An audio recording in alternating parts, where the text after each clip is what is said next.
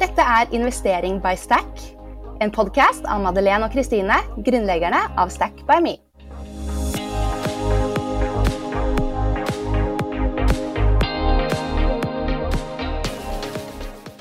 Podkasten er sponset av 247 Office, som er favorittregnskapssystemet vårt. Hei, og hyggelig at du tuner inn her i dag. Dette er en såkalt ønskeepisode med kun Madeleine og meg. Hallo! Ja, vi får nemlig en god del spørsmål om vi kan anbefale bra og enkle finansbøker. Og akkurat nå så har vi en god del å melde om dette temaet, faktisk. Så da tenkte vi å gi deg litt finansteori her i dag. For Maddy, du har jo nå vært borte en uke og lest masse bøker. Så vi kan jo høre om flere av de etter hvert, egentlig. Men la oss starte med denne nye favoritten din, The Intelligent Fund Investor. Jeg forsto det sånn at her var det veldig mye nyttig for lytterne våre? Ja, det var det absolutt. Eh, jeg regner jo da med at lytterne våre her er interessert i fond og investeringer, da. Ja, ja. Jeg tenker så klart. Det, det, håper vi. Og jeg er også veldig interessert i å få en veldig enkel innføring her, tenker jeg. Yes, denne boken er skikkelig bra. Den er litt komplisert, men nå skal jeg oppsummere det. Eh, jeg hørte den på Audible, så et hot tip er at man eh, får faktisk en gratis bok der når man signer opp. Mm. Ikke, ja, ikke sant? Men er det sånn Audible, er det, er det mest engelske bøker der? Ja, det er det. Og akkurat denne boken den er faktisk bare tilgjengelig på engelsk. Um, ja. Og ja, som jeg sa, den er jo for eh, litt spesielt interesserte. Den er ganske kompleks. Så jobber man med finans, eller er interessert i å være veldig opplyst om fondsutvelgelse, så burde man lese boken. Men jeg tror egentlig at denne podkasten og mitt siste blogginnlegg burde holde for de aller fleste. Ja, ikke sant? Ja, men det er topp. da kan du oppsummere, eh, oppsummere her. Jeg tenker det er bra. Hva, hva, ja, hva er det folk flest burde få med seg fra denne boken, da? Altså, Give altså, it to me. yeah. yeah. Kort oppsummert så handler boken om seks hovedtema. Det første er hvorfor vi bør unngå stjerneforvaltere. Um, det er jo et av på en måte hoved... Uh, må si, eh, beskjedene til han Joe Wiggins som har skrevet boken. Både i boken og på LinkedIn, hvis man følger han der. Ja. Eh, det andre er farene ved å kjøpe fond med for jevn avkastning. Uh, det tredje er hvorfor gode historier ofte er forferdelige investeringer i etterkant. Det fjerde er hvorfor historisk performance er et dårlig grunnlag for å velge et fond. Det femte er hvorfor kan vi da ikke si at indeksfond vil gjøre det bedre enn aktive fond de neste 10-20 årene. Og som et resultat så velger de proffe i hermetegn 50-50 indeks aktiv i snitt. Og det sjette temaet er hvordan insentivene til bransjen ofte ikke er til investorenes fordel. Mm -hmm. Ja, her var det mye mange OK, seks uh, hovedpunkter, mange temaer. Kanskje vi bare skal uh, dykke litt ned i punkt for punkt, da. Og ja Dette første, hvorfor burde vi unngå stjerneforvaltere? Og er det også relevant for Norge og norske fond? Ja, altså Dette kapitlet handler om at når en forvalter er blitt stjerne, og alle i hermetegn kjøper fondet, da er det jo ofte stor performance-risiko. Eh, rett og slett fordi fondet blir fort veldig stort. Og jo større fondet er, jo vanskeligere matematisk er det jo å skape samme meravkastning. Altså det er jo mindre muligheter i markedet, rett og slett, jo større du blir eh, i forhold til størrelsen din. Eh, så ja eh, Det som gjorde at de ble en stjerne, er kanskje ikke mulig lenger. Så hvis forvalteren mm. allerede er en, en superstar, eh, så kan man jo nok ja, ofte regne med at den beste tiden fort er forbi. Mm -hmm. Uh, og i Norge og Norden så skal det jo sies at kapitalmarkedene, det er Altså når man jobber med det, de er overraskende små. Så ofte uh, så er det på en måte USITS-regler som setter moroa for uh, stjernestatus her i regionen. USITS um, det ser man jo kanskje ofte hvis man leser et nøkkeldokument eller et eller annet sånn fondsdokument. Så ser man det. Og det er på en måte bare noen regler som regulerer eh, hvordan fond skal være satt opp da, for å gi investorbeskyttelse, bl.a. på likviditet. Um, så for eksempel så man ha, uh, kan man ha maks 10% av et verdipapir. Um, så man kan ikke eie mer enn 10% av Equinor da, i et fond. Um, fordi da vil det jo plutselig bli veldig vanskelig å selge seg inn og ut av den posisjonen hvis du skal flytte så store beløp. Mm. Ja. Og spesielt i rentemarkedet, hvor jeg jobbet i min forrige jobb, mye, så har det vært veldig lite kapasitet i Norden. Og det man gjør da, det er at man soft-closer fondet heller enn å fortsette å fylle på. Så ofte så er jo ikke de fondene tilgjengelige uansett. Men eh, det veldig populære, det har vært på på topplistene i Dine penger og sånn ganske mange ganger, eh, danske Invest Norge, de har også gjort det. Og det kan man fortsatt kjøpe på noen plattformer, men da betaler man en ganske heftig fee for å være med. Jeg tror det er 2 eller 3 for å få lov til å investere. Og dette gjør de da for å kompensere de eksisterende investorer eh, i fondet. For at det kommer inn mer penger, som gjør det vanskeligere å levere samme meravkastning som før. Ja. Så ja, det finnes jo eksempler i Norge eh, på at hvis det er en norsk forvalter og kun et norsk eller nordisk mandat, eh, gjør de det veldig bra, så på en måte, ja, blir det et problem. Men det er nok et større problem internasjonalt. Ikke sant. Ja, man skal dykke litt uh, dypt ned i materien her. Men uh, vi har jo blitt litt sånn glad i uh, våre stjerneforvaltere som vi har snakket med, da. Men de går kanskje ikke helt under den stjerneforvalter uh, som det snakkes om her. Sånn som Anessa, for eksempel, fra forrige episode. Det. Nei, fordi deres fond er jo Det er jo ganske stort i norsk sammenheng. Men det er jo et globalt fond, ikke sant. De investerer jo i biotek og helse globalt. Og de markedene er jo ganske store. Ja. Ja, så det er fortsatt trygt å investere der. ja, altså risiko er det jo alltid når man ja. kjøper uh, aksjefond, men uh, jeg vil si at, uh, jeg vil ikke si at selv om vi digger Anessa, at hun er en stjerneforvalter i denne Nei. forstand. Mest i våre, mer i våre øyne. Ja. OK, bra. men hva er farene ved å kjøpe fond med for jevn avkastning, da? Igjen så er jo ikke dette et så stort problem for på en måte retail-investorer som type meg og deg og vanlige folk som handler via en plattform som Stack. Mm. Vi privatpersoner har jo en tendens faktisk til å chase litt risiko med de ekstra sparepengene vi investerer. Eh, det ser man jo f.eks. av at det er 420 000 kryptoinvestorer i Norge. Og det er nesten like mange investorer som det er på Oslo Børs. Seriøst? Er det så mange? Ja. ja. Det er helt sinnssyke tall. Ja. Så ja. Det er jo veldig mange som har kjøpt litt krypto så for å teste, men ja, det var, ja, det var høyt. Ja, det var mange. Uh. Så, men vi kan egentlig ikke skippe den helt, eh, for det er en viktig melding. Er det for godt til å være sant, altså null svingning og høy avkastning, så er det som oftest det, altså for godt til å være sant. Fond som svinger lite, eh, altså i pris, sånn at du ser at prisen går mye opp og ned. Enkeltaksjer f.eks. gjør jo mye det og så vil fond svinge litt mindre. Og så har du på en måte noen ja, eh, noen fond som, skal, som, har strategier som gjør at de skal svinge mindre enn andre. F.eks. investere i litt større selskaper. Mindre selskaper har tendens til å svinge mer. Eh, men, eh, men, samtidig så har du kanskje dårlig likviditet i mindre selskaper. Og i rentemarkedene har du også ikke så veldig mye handel, og det gjør jo at prisen står stille. For prissettingen, den er jo basert på at det skjer handler. Eh, mm. Så fond som svinger lite, er ofte fond som har dårlig likviditet. Og det poengterer da han Joe i denne boken.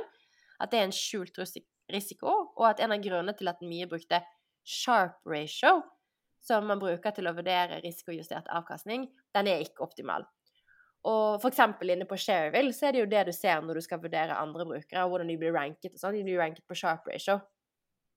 Eh, I tillegg så har jo historien vist at det finnes mange eksempler på komplekse strukturer som er satt opp for jevn avkastning, som viser seg å være enten helt jevn eller fullstendig krasj. Eh, rett og slett eh, Ponzi-lignende schemes. Eh, eller eh, regelrett Ponzi-schemes. Så ja, vær på vakt for altfor jevn avkastning. OK, har vi noen eksempler fra Norge, da, på dette? Eh, altså, ikke noen Ponzi-schemes som jeg kommer på. Men eh, de som vil lære om det, kan jo se Madoff, The Monster of Wall Street på Netflix. De hadde jo Ja, det er en ganske interessant historie. Men basically så ga de jo helt vill avkastning hvert år. Jevnt. Kjempejevnt over tid. Men det var jo aldri noen investeringer. Nei. Så det var jo total scam. Verdens største scam. Så den er interessant. Ja. Men eh, jeg ser jo altså fra Norge at noen lånebaserte folkefinansieringsplattformer hele tiden sier at det er så lav risiko. Men likevel så får du 9 eh, og høyere rente på lånene. Eh, og de har helt rett. Det at frem til nå, for det er en ganske ung bransje i Norge, så har de hatt lite konkurser på de lånene. Men veldig mange av disse lånene er eiendomslån, og med stigende renter og høy inflasjon, så er det mange prosjekter som vil slite fremover. Så plutselig får du et skred av konkurser. Det er sånn som det funker, er at det kommer jo ikke konkurser jevnt på løpende bånd. Og da er det ganske binært. Um, så hvis ikke de klarte å få lønnsomhet av prosjektet og gikk konkurs, så er det nok ikke store verdier igjen i eiendommen heller, selv om du skulle ha pant i eiendommen. Uh, og så går det utrolig mye penger til kostnader ved en konkurs. Så ja, altså, det er absolutt risiko i denne typen lån, ellers hadde jo bankene tatt de. Mm. Men bankene ønsker ikke byggerisiko, nettopp fordi de er blitt klok av skade. Uh, Ja. Og disse lånene er heller ikke likvide. Um, så har du investert, så må du være med ut løpetiden, eller til saken er løst om det skulle bli problemer. Og er det problemer, så kan det ta lang tid. Men for all del, det er mange som har tjent gode penger på dette segmentet de siste årene, så det, dette er ikke noen frarådning, men bare en oppmerksomhetsvekker på at det segmentet har også risiko, selv om man skulle ha pant i eiendom. Ingenting er på en måte for godt til å være sant, og 9% rente til lavere risiko eh, enn eh, aksjer eh, er på en måte for godt til å være sant. Det er masse risiko i det. Mm. Ja, ikke sant? Shit. Man, eh, man skal vite litt uh, Man skal sette seg inn i ting. Ja. Det skal man. Og eh, ja, jeg vet at det neste som sikkert mange lurer på, og som jeg også Man har jo en tendens til å gjøre det, da. Å bruke historisk performance som et grunnlag for å velge fond. Og hvorfor det? Han mener at det burde man ikke gjøre. Ja. Og det var jo noe som irriterte meg med den andre boken jeg leste, som heter 'Girls Just Wanna Have Funs', hvor de skrev nettopp det. At det var, et, det var en fin måte å velge fond på. Jeg bare no! eh, For det er jo fort gjort å bare se liksom OK, den har hatt uh, 8 og den har hatt 12% jeg velger det på 12, jeg. Ja. Det, er, det er veldig mange som gjør det. Det er det. Um, uh, og, men dette er jo ref denne diskusjonen rundt stjerneforvaltere. Det er at Jo Ja. bedre et fond har gjort det historisk, jo vanskeligere er det jo for det samme fondet å gjøre det bedre fremover. Eh, I hvert fall hvis det er et aktivt fond. ikke sant? Det er ren Mm. matematikk. Har du et lite fond på et par hundre millioner, så har du masse muligheter til å kapre gode dealer. Men jo større det fondet ditt blir, jo vanskeligere er det å finne muligheter i markedet som er store nok til å flytte nålen for fondet ditt. For du kan jo ha en mulighet som er på 40 millioner. Men hvis fondet ditt er 40 milliarder, så er det sånn åh, Å gjøre den investeringen er nesten ikke verdt tiden til forvalteren. Mm. Um, og jo bedre historisk performance er, jo større vil fondet nødvendigvis være. For de fleste fond de er jo akkumulerende. Det vil si at avkastningen som skapes hvert år, det går tilbake til fondet. Og det gjør jo også at disse fondene blir mer populære siden de har gått bra. Og dermed får de også mer tilflyt av nye penger og blir enda større. Ikke sant. Men vi sier jo at eh, man må se på historisk avkastning over tid for å vurdere om et aktivt fond er bedre enn en indeks. Ja, og jeg vil jo fortsatt presisere at om et fond gir 10% avkastning historisk og et annet 5 så er det nok noe i de tallene som reflekterer hva slags risiko forvalter tar. Altså et med 30% avkastning i året tar nok mye høyere risiko enn det med 10. Mm. Så det gir jo noe informasjon. Uh, og skal man vurdere et aktivt fond over tid, så vil jo dette noe man, være noe man må se på. Um, men om en forvalter underperformer indeksen sin i to til fem år, altså at indeks går bedre enn fondet, um, så mener i hvert fall forfatteren av denne boken da, at man må bare være tålmodig om man tror på strategien. Eh, fordi det er ikke de to til fem årene som på en måte eh, gir deg rett eller feil på om dette var en forvalter som kan levere meravkastning. Mm. Eh, men jeg mener jo også at på et eller annet tidspunkt så må man jo nesten innse at strategien eller forvalteren ikke gir meravkastning. Så det er vel mer en bemerkning til folket som lytter, at det å sortere på historisk avkastning når man vurderer fond, og velge blindt den som har levert høyest, ikke noen god strategi. Og det er en veldig klassisk strategi. Ja, det er det. Ja. Det gir, eh, det gir veldig mening, det. Absolutt. Og um, ja, hvorfor eh, kan vi ikke si at indeksfond vil gjøre det bedre enn aktive fond de neste 10-20 årene, da? Nei, nå er det jo sånn at historien eh, ikke nødvendigvis gjentar seg, selv om den ofte gjør det, i mange år. Ehm, men eh, konkret på indeks mot aktiv, da, så eh, kan man jo vise til at eh, indeksfond har gjort det bedre enn aktive fond i USA de siste 15 årene. Men så har det vært helt motsatt i Storbritannia. Og der hvor han Joe hører til. Han bor jo i, i England. Eh, Mm. Og en av hovedgrunnene til at indeks har gjort det bedre enn aktive fond i USA de siste 15 årene, det er jo at de aller største selskapene i USA har stått for veldig mye av avkastningen. Og igjen, ref forrige avsnitt, så blir det jo vanskeligere og vanskeligere for nevnte selskaper. Og de er blitt gigantiske, altså. Det er snakk om Amazon, Microsoft, Apple, Meta. De er nå blitt så store at det å levere den typen avkastning som de har levert de siste 15 årene, de neste 15 årene, det er matematisk vanskelig. Ja. Eh, og dette er jo noe som Warren Buffett også poengterer ofte i sine sånne eh, investorbrev. Han er en sånn veldig kjent investorguru som leverte vanvittig avkastning de første 30 årene av sin karriere. Og så har han nå et fond som heter Berkshire Hathaway, som man kan investere i via børs. Eh, og nå leverer det mer sånn vanlig god avkastning. Fordi de er blitt så store, ikke sant. Mm. Um, så i Storbritannia, da, så var det motsatt. De store, gamle kjempene. eh, for de, de hadde kanskje liksom sin storhetstid på for 15 år siden, ikke sant? Eh, Mm. Store banker, stabile selskaper som produserer varer og sånn.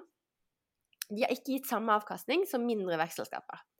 Og dermed så har aktive fond gjort det mye bedre i Storbritannia enn i USA. Fordi aktive fond har en tendens til å ikke investere bare i de største ti selskapene i indeksen.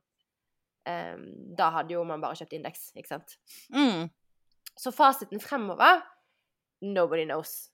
Uh, og da, hvis man ikke vet hvilken på en måte type scenario som kicker inn, um, om det er liksom bare de største som gjør det bra, eller om de største kommer til å på en måte ha dårligere avkastning enn de litt mindre selskapene de neste liksom, 15-20 årene, eh, så er jo på en måte den beste betten du kan gjøre, er å bare ha 50-50.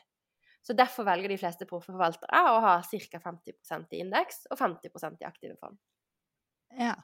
Men selvfølgelig, det at det lønner seg med lavere kostnader, som jo indeks ofte har, det er jo bare matematisk. Så forvalteren eh, oppfordrer også til å være prissensitiv, både på indeks og på aktive fond.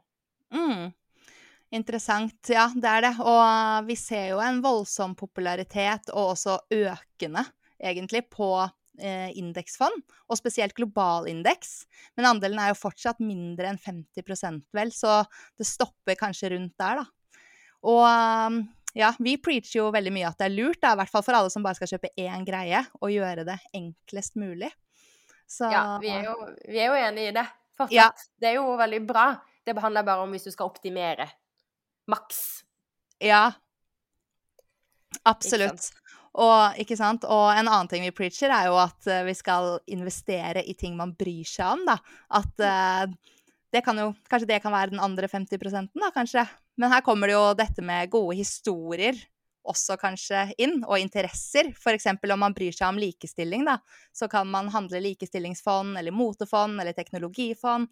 Og den boken her, eh, som du sa, mener at gode historier ofte er forferdelige investeringer i etterkant. Så det er sånn, ja, hva, hva mener han om det? Går det Altså- på det? At uh, ja. Nei, altså han sier aldri 'ikke investere i liksom, det du kjenner'. Eh, what you know. Eh, som BlackRock også, som er verdens største forvalter, poengterte. Mm. eh, at det er en god strategi. Han er mer kritisk til temafond, som ofte blir satt opp fordi det er en god historie. En eller annen samfunnstrend som det er lett å la seg engasjere av. Ja. Så dessverre så har jo mange av disse fondene vist seg å være kortsiktige trender. Um, og mange av fondene som hadde stor suksess til å begynne med, har aldri helt klart å bli store nok til å få skala eller nok assets under management, altså penger i fondet, da, til å kunne være levedyktige. Og dermed blir de lagt ned. Gjerne med negativ avkastning pga. høye kostnader i kombinasjon med et dårlig marked for temaet akkurat der og da. Mm. Så du får liksom ikke sjansen til å la fondet rebounde fordi man legger det ned på det dårligst tenkelige tidspunktet. Mm. Men det betyr ikke at alle temafond er dårlige. Eh, Tech-fond har holdt seg lenge. Og personlig så har jeg klokketro på fornybarfond de neste ti årene. Eh, ingen anbefaling, men på en måte Der har jeg mye penger. Eh, Mm. Altså teknologi, i den bransjen beveger seg så raskt nå. Eh, så det er på en måte bare en personlig bet som jeg tar. Mm. Eh, likestilling er også ofte et ganske bredt mandat. Det er bare at man vurderer globale selskaper på f.eks. hvor de scorer på likestilling. Og det at forbrukere pusher penger inn i disse fondene, viser jo forvalterne og selskapene hvor skoen trykker om de vil ha penger. Mm. Så uansett avkastning, så er man jo med å gi sin stemme. Um, så jeg tror det er viktig å bare være litt obs på eh, å ikke investere i for nisjete temafond. Um, I hvert fall hvis man skal se på historiske tall, fordi på historisk sett så er det ikke bedre avkastning på type temafond enn brede indeksfond, i generell forstand. Men selvfølgelig enkelte temaer, som f.eks. tech, har jo gjort det knallbra de siste 15 årene. Mm. Ja, det er akkurat det. Og dette her er det også masse mer info rundt da, i temakurset i, som man kan finne i, i Academy-appen vår. Så det kan man jo egentlig anbefale også å se på de, for de som vil få litt mer farge rundt dette temaet. Ja. Men uh, alle liksom på en måte temaene og kategoriene Vi kan jo ikke gå god så klart for at alle kategorier i vår, eller i Stack-appen skal gå bra, men i hvert fall at de fondene som er der, er veldig bra. Det kan vi gå veldig god for. Ja. De skal være de beste, eller i hvert fall blant de beste. eh, Og de som er tilgjengelige i Norge, da, eh, i hver sin kategori. Ja. Men så var det vel siste eh, punkt da, av disse seks, som er eh, hvordan er insentivene i bransjen eh, ofte ikke til investorenes fordel? Ja, Vi trenger ikke bruke så veldig mye tid på det, men eh, forvaltere er jo ofte insentivert til å investere i egne fond. Um, ofte så gjør de kun det. Og ergo så mener han Joe da at de egentlig er overeksponert og kan fort bli mer forsiktig enn de burde ha vært. Eh, et annet poeng han nevnte, det var at eh, et aksjefond skal jo helst ha minimum seks års horisont hvis man investerer. Og ingen Mm. forvaltere har bonusordninger med så lang horisont. Så sånn sett så vil de jo på en måte jage kortsiktig avkastning mer enn hva som hadde vært optimalt med Kall det perfekte insentivordninger. Ja. Nei, perfekte insentivordninger er vel vanskelig å oppnå, vil jeg tro. Ja, men det skulle forundre meg eh, om gode forvaltere var så kortsiktige at man risikerer sin langsiktige karriere for eh, en kortsiktig bonus. Ja. Eh, eh, altså, de best betalte forvalterne i Oslo er jo de som har gjort det bra i år etter år, i årevis. Og kommer man dit, så er det nesten ingen jobber i byen som kan sammenlignes på lønn og prestisje i forhold til arbeidsinnsats. Mm. Og liksom ref episoden med Ja, det var vel Hans Marius eh, Eller Eivind var det, fra DNB Indeks, som fortalte om det. De best betalte i DNB er jo de beste forvalterne Mm. som har vært der lenge. Um, og det samme er sant uh, i London og andre store forvaltermiljøer. Mm. Ikke sant? Ja. Så, så det siste punktet, det, det kan være et poeng, men personlig så vil jeg ikke vektlegge det så veldig tungt. Um, han konkluderer jo også med at det er 50-50 indeksaktiv som uansett burde være greien. Så ja. Han Joe syns vel kanskje ikke det var det viktigste poenget, han heller. Nei, det kom til sist. Ja. ok, så for å bare oppsummere, da. Hvis man eh, skal investere som en proff, så da ikke heng deg opp i historisk avkastning. I hvert fall ikke velg utelukkende på historisk avkastning. Den må ses da i sammenheng med risiko, og om man tror på strategien og forvalter, også fremover. Og indeksfond er fortsatt veldig bra. Eh, men aktive fond kan få comeback de neste 15 årene. Siden man eh, ikke kan spå, så velger kanskje de fleste proffe da, en miks, sånn som 50-50, som vi snakket om. Ja, velger man et aktivt fond, så kan man eh, jo selv reflektere over om det man investerer i er en stjerneforvalter, og hvis ja, skal man da droppe det, eller tenke på noe annet? Og tenk ekstra nøye når man velger et temafond. Det må være en strategi eller en sektor eller noe man liksom virkelig har tro på og har lyst til å holde seg i over tid. Da. Og det siste er vel vær på vakt om noen sier at noe gir deg stabil avkastning. For ingenting er garantert her i livet. Eller hva? Oh no, oh no. Var det greit eh, oppsummert? Jeg syns det, var- det var en veldig sånn eh, oversiktlig og bra bok, da. Uh, to the point. ja, jeg syns det. Så man kan jo absolutt ta og lese den. Eh, hvis man er Ja, ikke sant? Eller bare hoppe rett inn i akkurat det man har lyst til å lese enda litt mer om. mm, Men, Ha det som et oppslagsindeks. Eh, Ikke sant? Jeg syns det var ganske digg å bare få, litt, uh, få en liten oppsummering av deg, jeg. ja, det fins jo nok av bøker å lese. Ja, det. virkelig. Men eh, ja, jeg håper eh, i hvert fall at det ikke blir for vanskelig for dere som hører på. Og de fleste eh, fondene i Stack-appen er jo håndplukket fordi de er de beste i sin kategori. Så tror du på kategorien, så bommer du i hvert fall ikke helt, for fondene er bra, som vi sa. Og som Maddy nevnte, så har vi også lagt ut et innlegg om dette på bloggen på nettsiden, på stackby.me. Så du kan også finne punktene skriftlig oppsummert der, da. Det kan jo være eh, litt digg å bare se det også. Ja, jeg legger link i episodebeskrivelsen her. Ja, Og Det på bra. nettsiden eh, så kan man også finne nå påmelding til kurset vårt eh, om investering, som starter 11. april. Bare trykk på kurs, så finner du mer info. Og dette passer jo da for eh, både deg som syns dette var superinteressant og har lyst til å lære mer, og du som bare ikke aner hvor du skal begynne. Vi tar deg på en måte da gjennom fra A til, eh, til i hvert fall C, det du trenger å vite for å komme i gang. Og Mm. ja. Eh, Ja. Så har vi egen coaching session og sånn, da, sånn at du kan stille de vanskelige spørsmålene også. Eh, og til dere som melder dere på nå tidlig, så har vi jo en early bird-kupong til dere. Eh, skriv inn STACK40, så får du 40% rabatt på kurset. Mm, og grunnen til at vi gjør dette, vi gjorde en runde med dette kurset. Det er et fireukerskurs. Eller blir det treukerskurs nå? Eh, vi gjorde det i høst, og det var bare så fint. Da var det 15 Det er, det er jo begrensede plasser. 15 deltakere. Eh, så det ble jo nesten litt sånn miljø, og det var skikkelig hyggelige kvelder også, så ja, vi gleder oss til å bli kjent med alle som melder seg på, da. Mm, ja, det blir skikkelig bra community. Så Ja.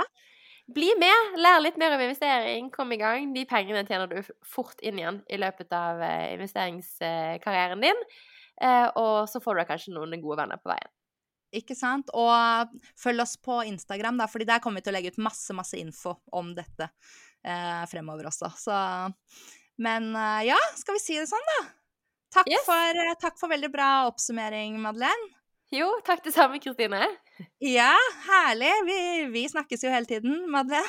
Det gjør eh, vi. Ha det bra. Ha Ha det.